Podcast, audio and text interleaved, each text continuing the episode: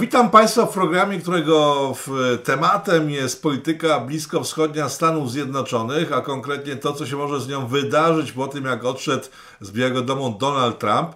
E, Joe Biden dostaje pełen pakiet y, atrakcji związanych z tamtym regionem w wykonaniu Amerykanów, ale żeby wiedzieć, y, co dostaje do ręki, trzeba się przyjrzeć temu, co zrobił Trump w zasadzie 4 lata. A jeżeli jesteśmy na Bliskim Wschodzie, to oczywiście Państwa moim gościem jest kto? Jan Wójcik z Euroislamu. Panie Janie, y, zacznijmy może od tego, co Trump zostawia w spuściźnie e, Bidenowi.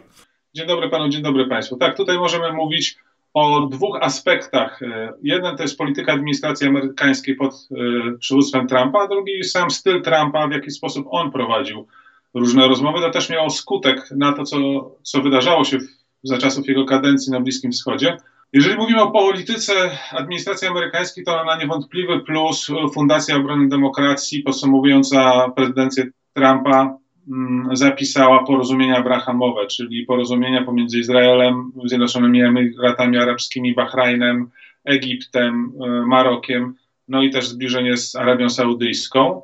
Tutaj nawet pod koniec kadencji senator Mike Pompeo, e, senator, e, sekretarz stanu Mike Pompeo prolował mm, trochę poprzedniego sekretarza stanu z czasów administracji Obamy, Johna Kerry'ego, który zapewniał, że nie da się osiągnąć pokoju na Bliskim Wschodzie bez rozwiązania kwestii palestyńsko-izraelskiej.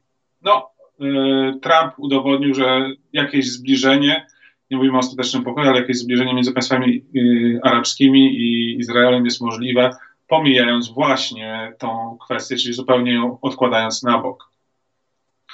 Więc to jest niewątpliwy plus.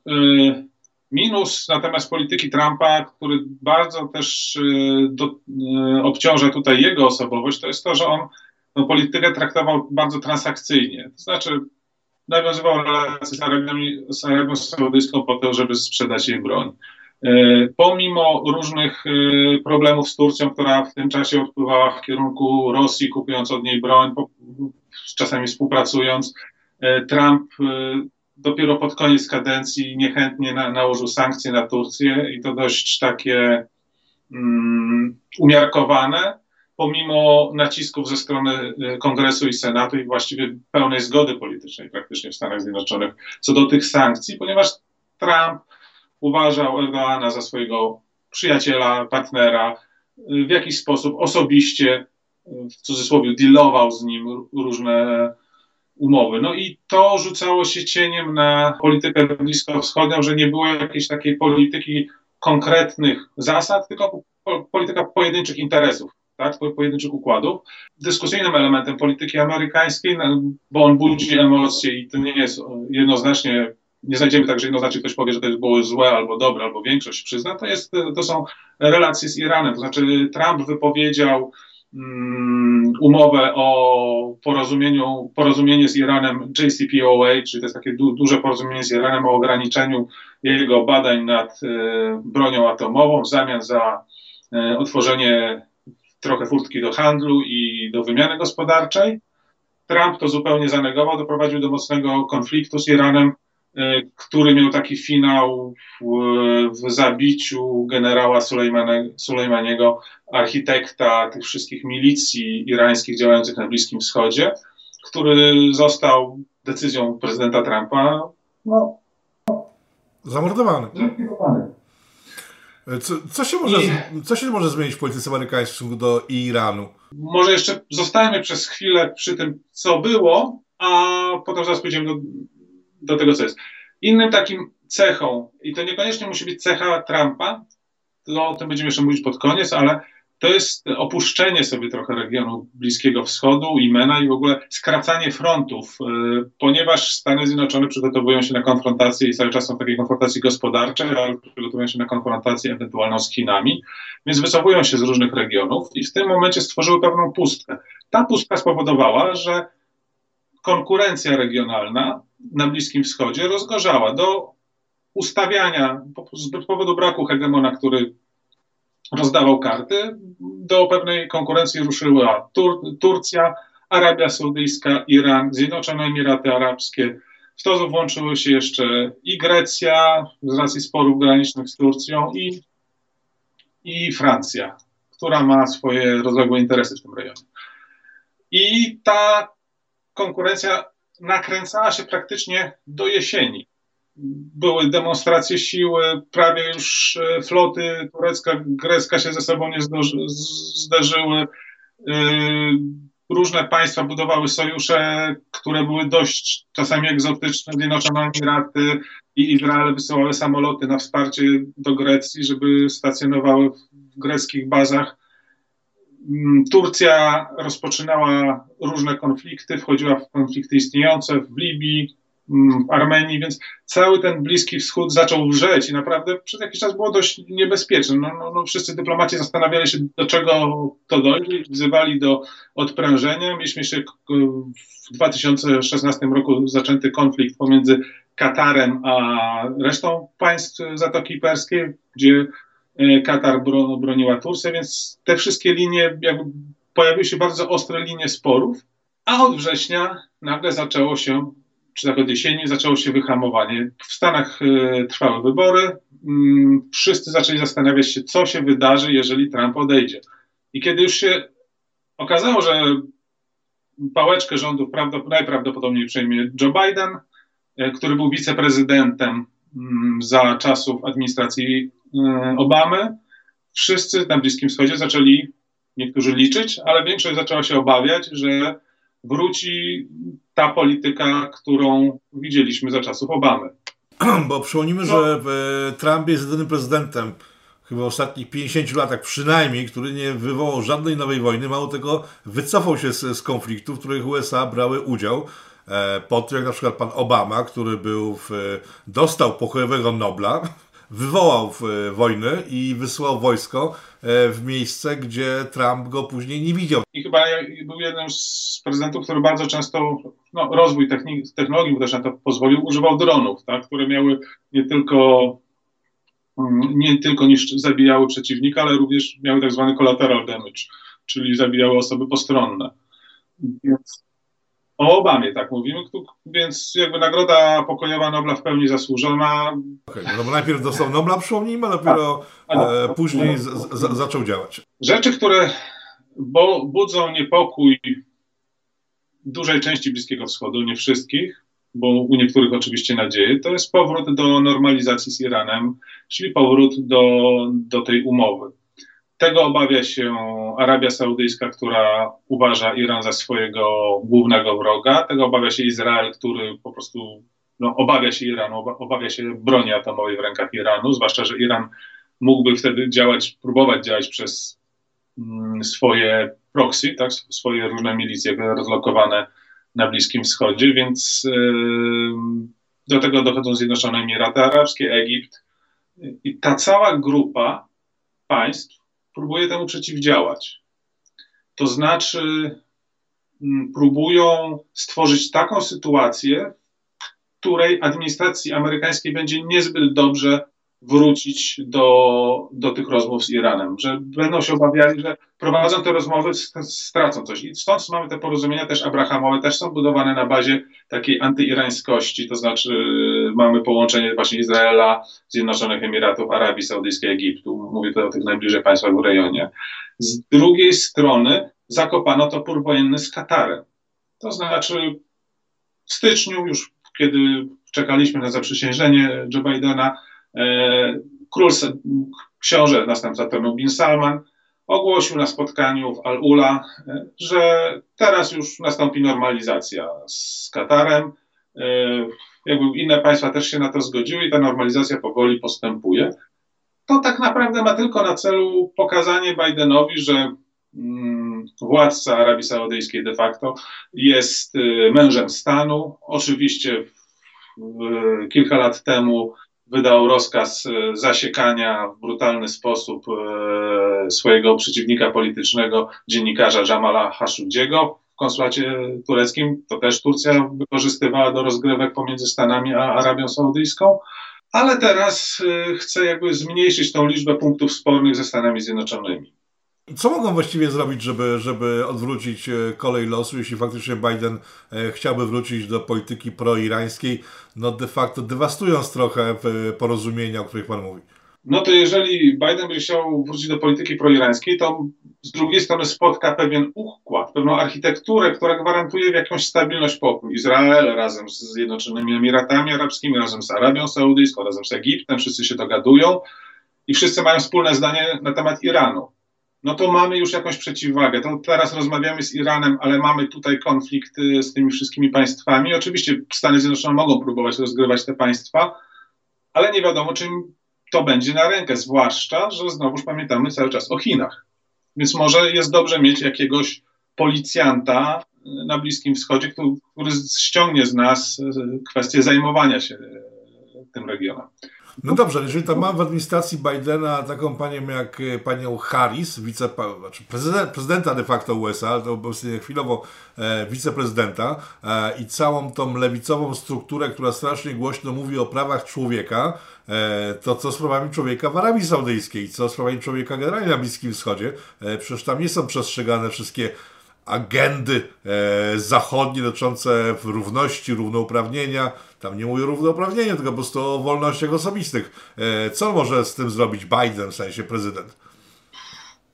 Pytanie, e, jak bardzo będzie chciał to wykorzystywać. Tak naprawdę, jeżeli mówimy o prawach człowieka na Bliskim Wschodzie, no to kogo ma wybierać? Turcję z Kurdami i, i, i z, z całym prześladowaniem tej mniejszości i opozycji w dodatku? czy Arabię Saudyjską złamanie praw człowieka, czy Egipt, który, w których, o którym się mówi, że nawet prawa człowieka są bardziej łamane obecnie niż za Hosniego Mubaraka, do no, kogo wybierze? No, też nie ma specjalnego wyboru, żeby tutaj powiedzieć, o to państwo ładnie przestrzega praw człowieka i z tym państwem będziemy współpracować. No, no trzeba mieć alternatywy. A tych alternatyw nie ma. Oczywiście będzie podkreślał, to będzie naciskał, natomiast razem z prawami człowieka to, co budzi niepokój e, dyktatorów, królów e, Bliskiego Wschodu, to jest też e, kwestia Bractwa Muzułmańskiego. Oni pamiętają, że w 2010 roku Bractwo Muzułmańskie dostało jakieś tam wsparcie, support z, z, ze Stanów Zjednoczonych. Stany Zjednoczone w jakiś sposób wierzyły, że to Bractwo Muzułmańskie to jest troszeczkę jaka, taka hadecja, czyli taka islamska demokracja. Oni jak dojdą do władzy, to tam ten, to ostrze ideologiczne stępi się w ramach procedur demokratycznych. No, takie były przekonania, takie raporty pisano wtedy. E, oczywiście stawiano na tych młodych liberalnych, którzy też byli szkoleni przez amerykańskie instytucje. I dzisiaj ci y, ludzie rządzący na Bliskim Wschodzie mówią, nie, my tego nie chcemy. I to wyraźnie komunikują. I ta komunikacja odbywa się w ten sposób, że nawet e, um, ugrupowania religijne, rady religijne, czy, czy, czy Rada e, religijna muzułmańska w e, Arabii Saudyjskiej, czy w Al-Azhar, czyli najważniejszy uniwersytet religijny świata islamskiego tak naprawdę w Kairze, czy podobne ciało jakby takie prawno-konsultacyjne w Zjednoczonych Emiratach Arabskich mówią, że deklarują, że Bractwo Muzułmańskie jest organizacją terrorystyczną. Deklarują, że jest w ogóle wstępowanie do tej organizacji jest sprzeczne z islamem, czyli pokazywana jest jakby solidarność autorytetów religijnych, będących trochę pod kontrolą dyktatorów i, kontrol, i dyktatorów w podejściu do Bractwa Muzułmańskiego. Jasno mówią, my Bractwa Muzułmańskiego to już na Bliskim Wschodzie nie chcemy, nie chcemy tych wszystkich e, rewolucji. Czyli zabierają narzędzie wpływu Amerykanom trochę. Tak, są, są zabrać na narzędzie wpływu i te represje, które dotykają y, teraz y, wielu opozycjonistów, nie tylko z Bractwa Muzułmańskiego, ale też tak, tak zwanych sekularystów, liberałów w Egipcie, to są represje, które, no, które są powodowane obawą generała Sisiego, żeby po, ponownie ten ruch, który wtedy obalił Mubaraka, nie doszedł do jakiejś siły i władzy, więc jakby tutaj jest mocno zaciśnięte no, no, no, prześladowania tych ludzi. Jakby kolejnym takim elementem, który, który ma cechować politykę Bidena, to jest jakby powstrzymywanie Rosji w tamtym rejonie. No i tu też część państw może się obawiać, ponieważ i Turcja ma konszachty z Rosją i kupuje od niej broń, no ale Zjednoczone Emiraty Arabskie i Egipt na, w Libii znalazły się po tej samej stronie co Rosja w konflikcie pomiędzy rządem zgody narodowej libijskim a generałem Halifem Haftarą, oni wspierają generała Halifa Haftara, tak jak Rosja. Oczywiście to nie musi znaczyć współpracy, po prostu mają, każdy, każdy działa tam z powodu swoich własnych interesów. To jest kolejna obawa e, tych satrapów, nazwijmy to. No i wreszcie mamy sytuację też, e, która dotyczy bardzo Turcji już samej, to jest to, że Biden chce trochę jakby wrócić do rozmów i takiego wspierania Kurdów e, syryjskich, których Turcja zwalcza. Stany Zjednoczone i słusznie widzą w Kurdach jakieś takie, no, za, zalążek demokracji w tamtym rejonie, w, ty, w, tym, co jak Kur, Kurdowie stworzyły, zarządzają w tej chwili swoją prowincją. Oczywiście to ma swoje wady, to nie jest jeszcze taka pełna demokracja, ale jest coś, le, coś lepszego niż w otoczeniu. No a Turcja zwalcza tych, traktuje ich jako zagrożenie i, i, i prowadzi działania zbrojne przeciwko nim. Więc to jest cały, cały zestaw różnych takich obaw. No oczywiście z drugiej strony są nadzieje. Jeżeli Biden zacznie wspierać Bractwo Muzułmańskie, to jest to z, korzyścią dla Turcji, dla Kataru, które wspierają te różne organizacje. Jeżeli Biden zacznie wspiera, wspierać Iran, no to wiadomo, Iran będzie się z tego cieszył. Już zresztą wypowiada, wysyła różne zapowiedzi, że, że są otwarci na dialog, że, że, że Stany Zjednoczone powinny do tego wrócić. A czy istnieje w ogóle ryzyko takie, że Biden nie wróci na ten Bliski Wschód, będzie kontynuował politykę, politykę Trumpa e, i skupi się na Chinach? Czy to jest ryzyko? No to jest taka, taka możliwość, taka ewentualność istnieje, ponieważ e, to jedno, co Biden deklaruje, ale druga rzecz jest to, co jest możliwe, tak? Więc e, to jest pytanie, jak będą wyglądały relacje z Chinami, jak, będą dalsze działania tutaj wyglądały, czy Stany Zjednoczone będą musiały skracać e, te, te fronty, o których powiedziałem. Mamy jeszcze Afganistan, gdzie Stany początkowo miały się wycofać, ale jednak widząc napór Talibanu, e, postanawiają zostać. Pytanie, nawet pojawiają się groźby, że Stany mocniej się zaangażują w Afganistanie. Zalecenia Fundacji Obrony Demokracji są takie, żeby Stany Zjednoczone jakby wzmocniły Bliski Wschód i pozostały tam.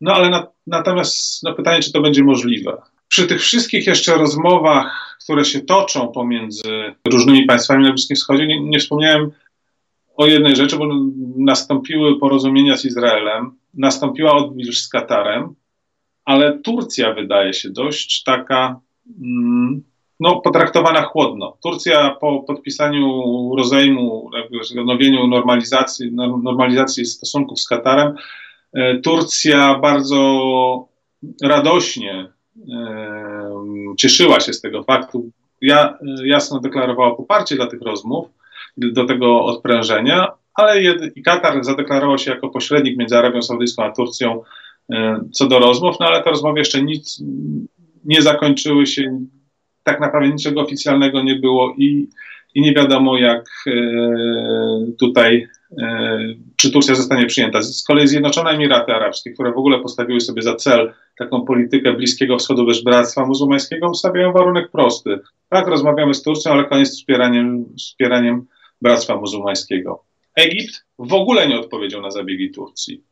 I zrobił jeszcze taki dość ciekawy manewr, ponieważ Egipt będąc po stronie tego rządu w Tobru, parlamentu w Tobruku i generała Halify Haftara w Libii, wysłał delegację do Trypolisu, czyli do tej rządu zgody narodowej, żeby y, nawiązać z nimi relacje, porozmawiać, jak można to pokojowo o, doprowadzić do, do rozejmu między tymi grupami, czy do, jakiej, do, do jakiejś, no, przynajmniej zatrzymania działań wojennych.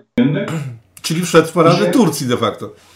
No i właśnie robi numer Turcji w tym momencie, tak? No bo y, to są sojusznicy Turcji, nagle się pojawia Egipt, oni z chęcią rozmawiają z Egiptem. Egipt y, stawia się tu w roli takiego osoby, państwa, które będzie otwierało jakiś proces pokojowy.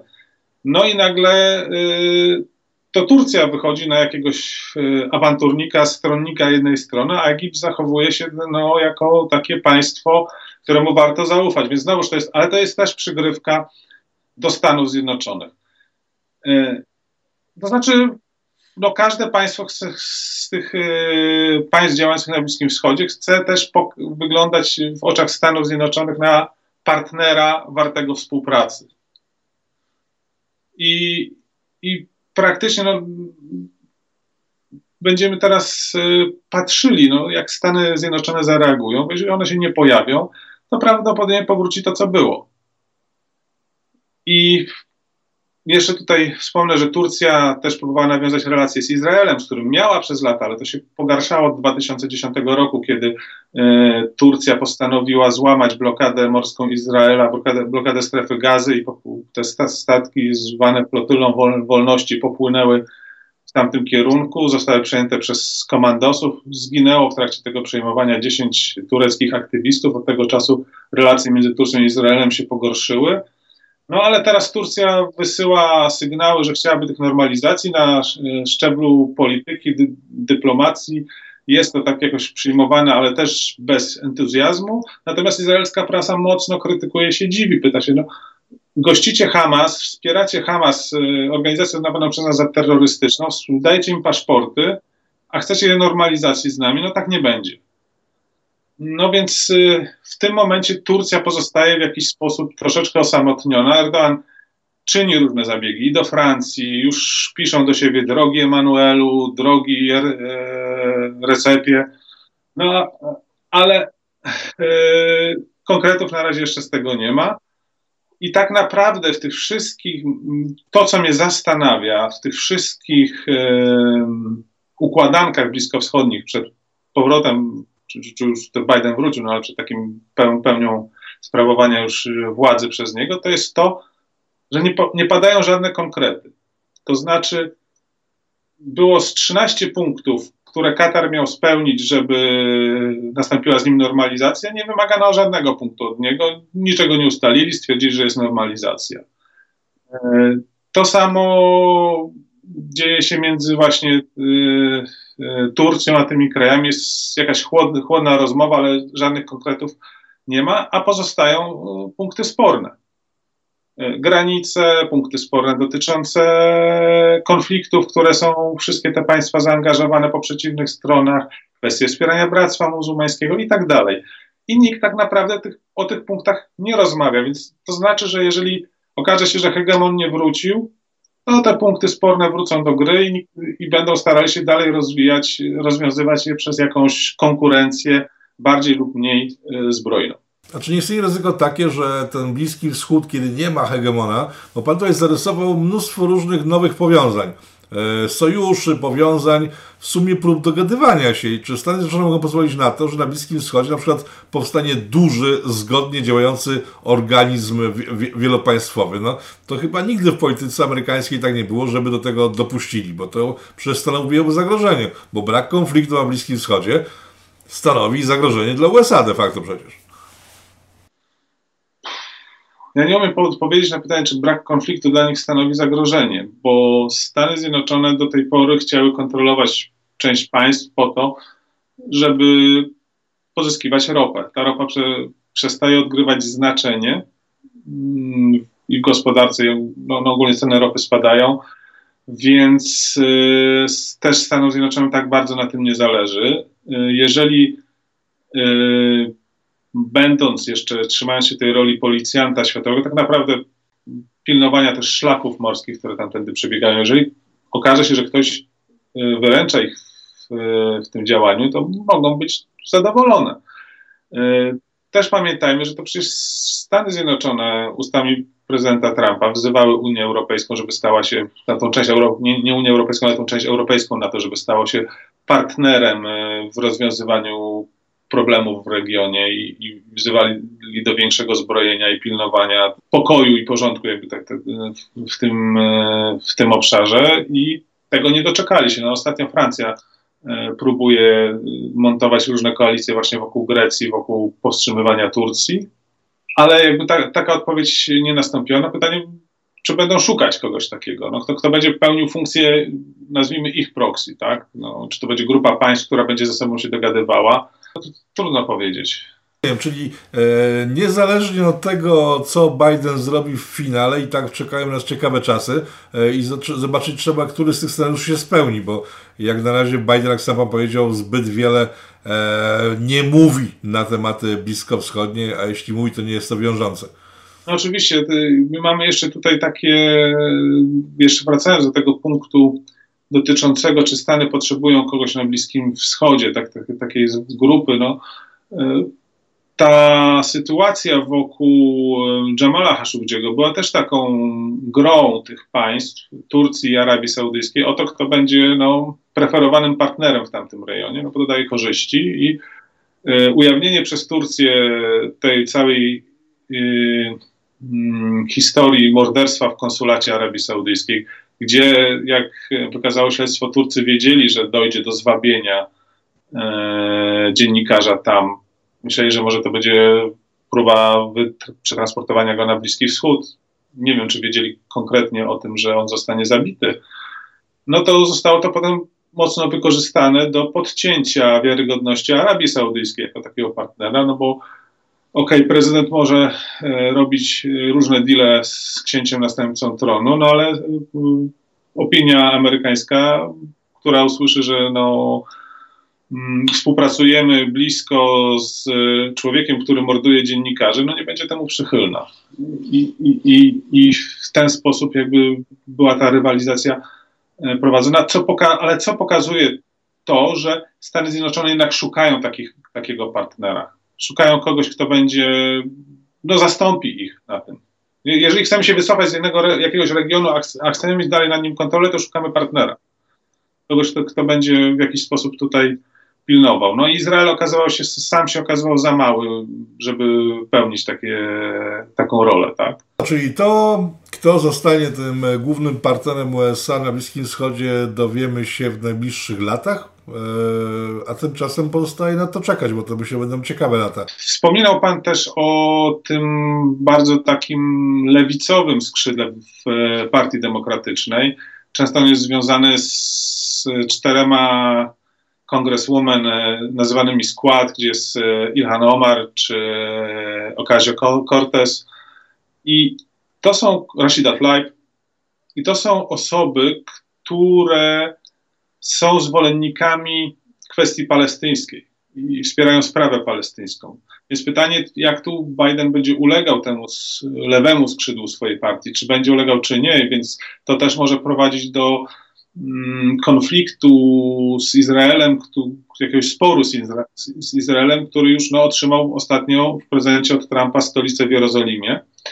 Co ciekawe, godzinę po zaprzysiężeniu Joe Bidena i to przez, tylko przez chwilę było widoczne na Twitterze, oficjalne konto ambasady amerykańskiej w Izraelu nosiło nazwę e, Ambasada Amerykańska w Izraelu i Zachodnim Brzegu i Strefie Gazy. To było dość szokujące, że e, Stany Zjednoczone mają ambasadora przy Hamasie, organizacji uznawanej za terrorystyczną, ale to szybko zniknęło. Nie wiem, czy to był psikuś, czy może ktoś się pospieszył. E, w każdym razie przez chwilę mieliśmy do czynienia z, takim, e, z taką wirtualną ambasadą i e, to tutaj Izrael na, na pewno będzie bacznie patrzył na, na, na, na to, co się dzieje.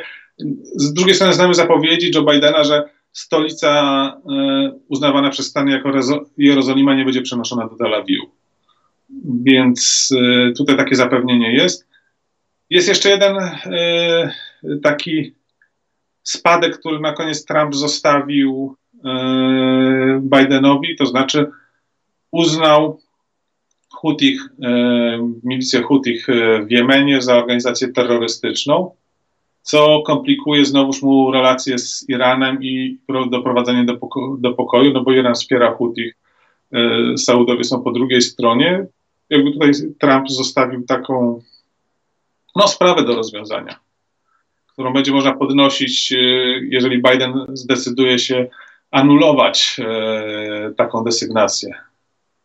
No te babki ze składu, o którym Pan wspomniał, parę dni temu e, zaczęły głośno mówić, że nominacje Bidena niepokoją je bardzo, gdyż ich, ich siły polityczne zostały wykluczone z, z tych nominacji. Także zobaczymy, co, co skład, o którym Pan wspomniał, będzie robił dalej, czy będzie miał wpływ w ogóle na politykę Bidena? No, yy, pierwsze, jedna z pierwszych decyzji, to, którą głośno, takich yy, społecznych, którą głośno komentowano, to było to, że Biden zgodził się na to, żeby chłopcy, którzy czują się e, kobietami, mogli brać udział w zawodach sportowych z dziewczętami w szkole. Także No i to, to był taki jeden postulat z tamtej lewicowej strony, ale może to był tylko taki ukłon, żeby zaspokoić ten elektorat i, i, i może y, polityka Bidena będzie jednak bliżej centrum, a nie bliżej lewego skrzydła. No i taką pozostaje mieć nadzieję. Dziękuję bardzo. Dziękuję.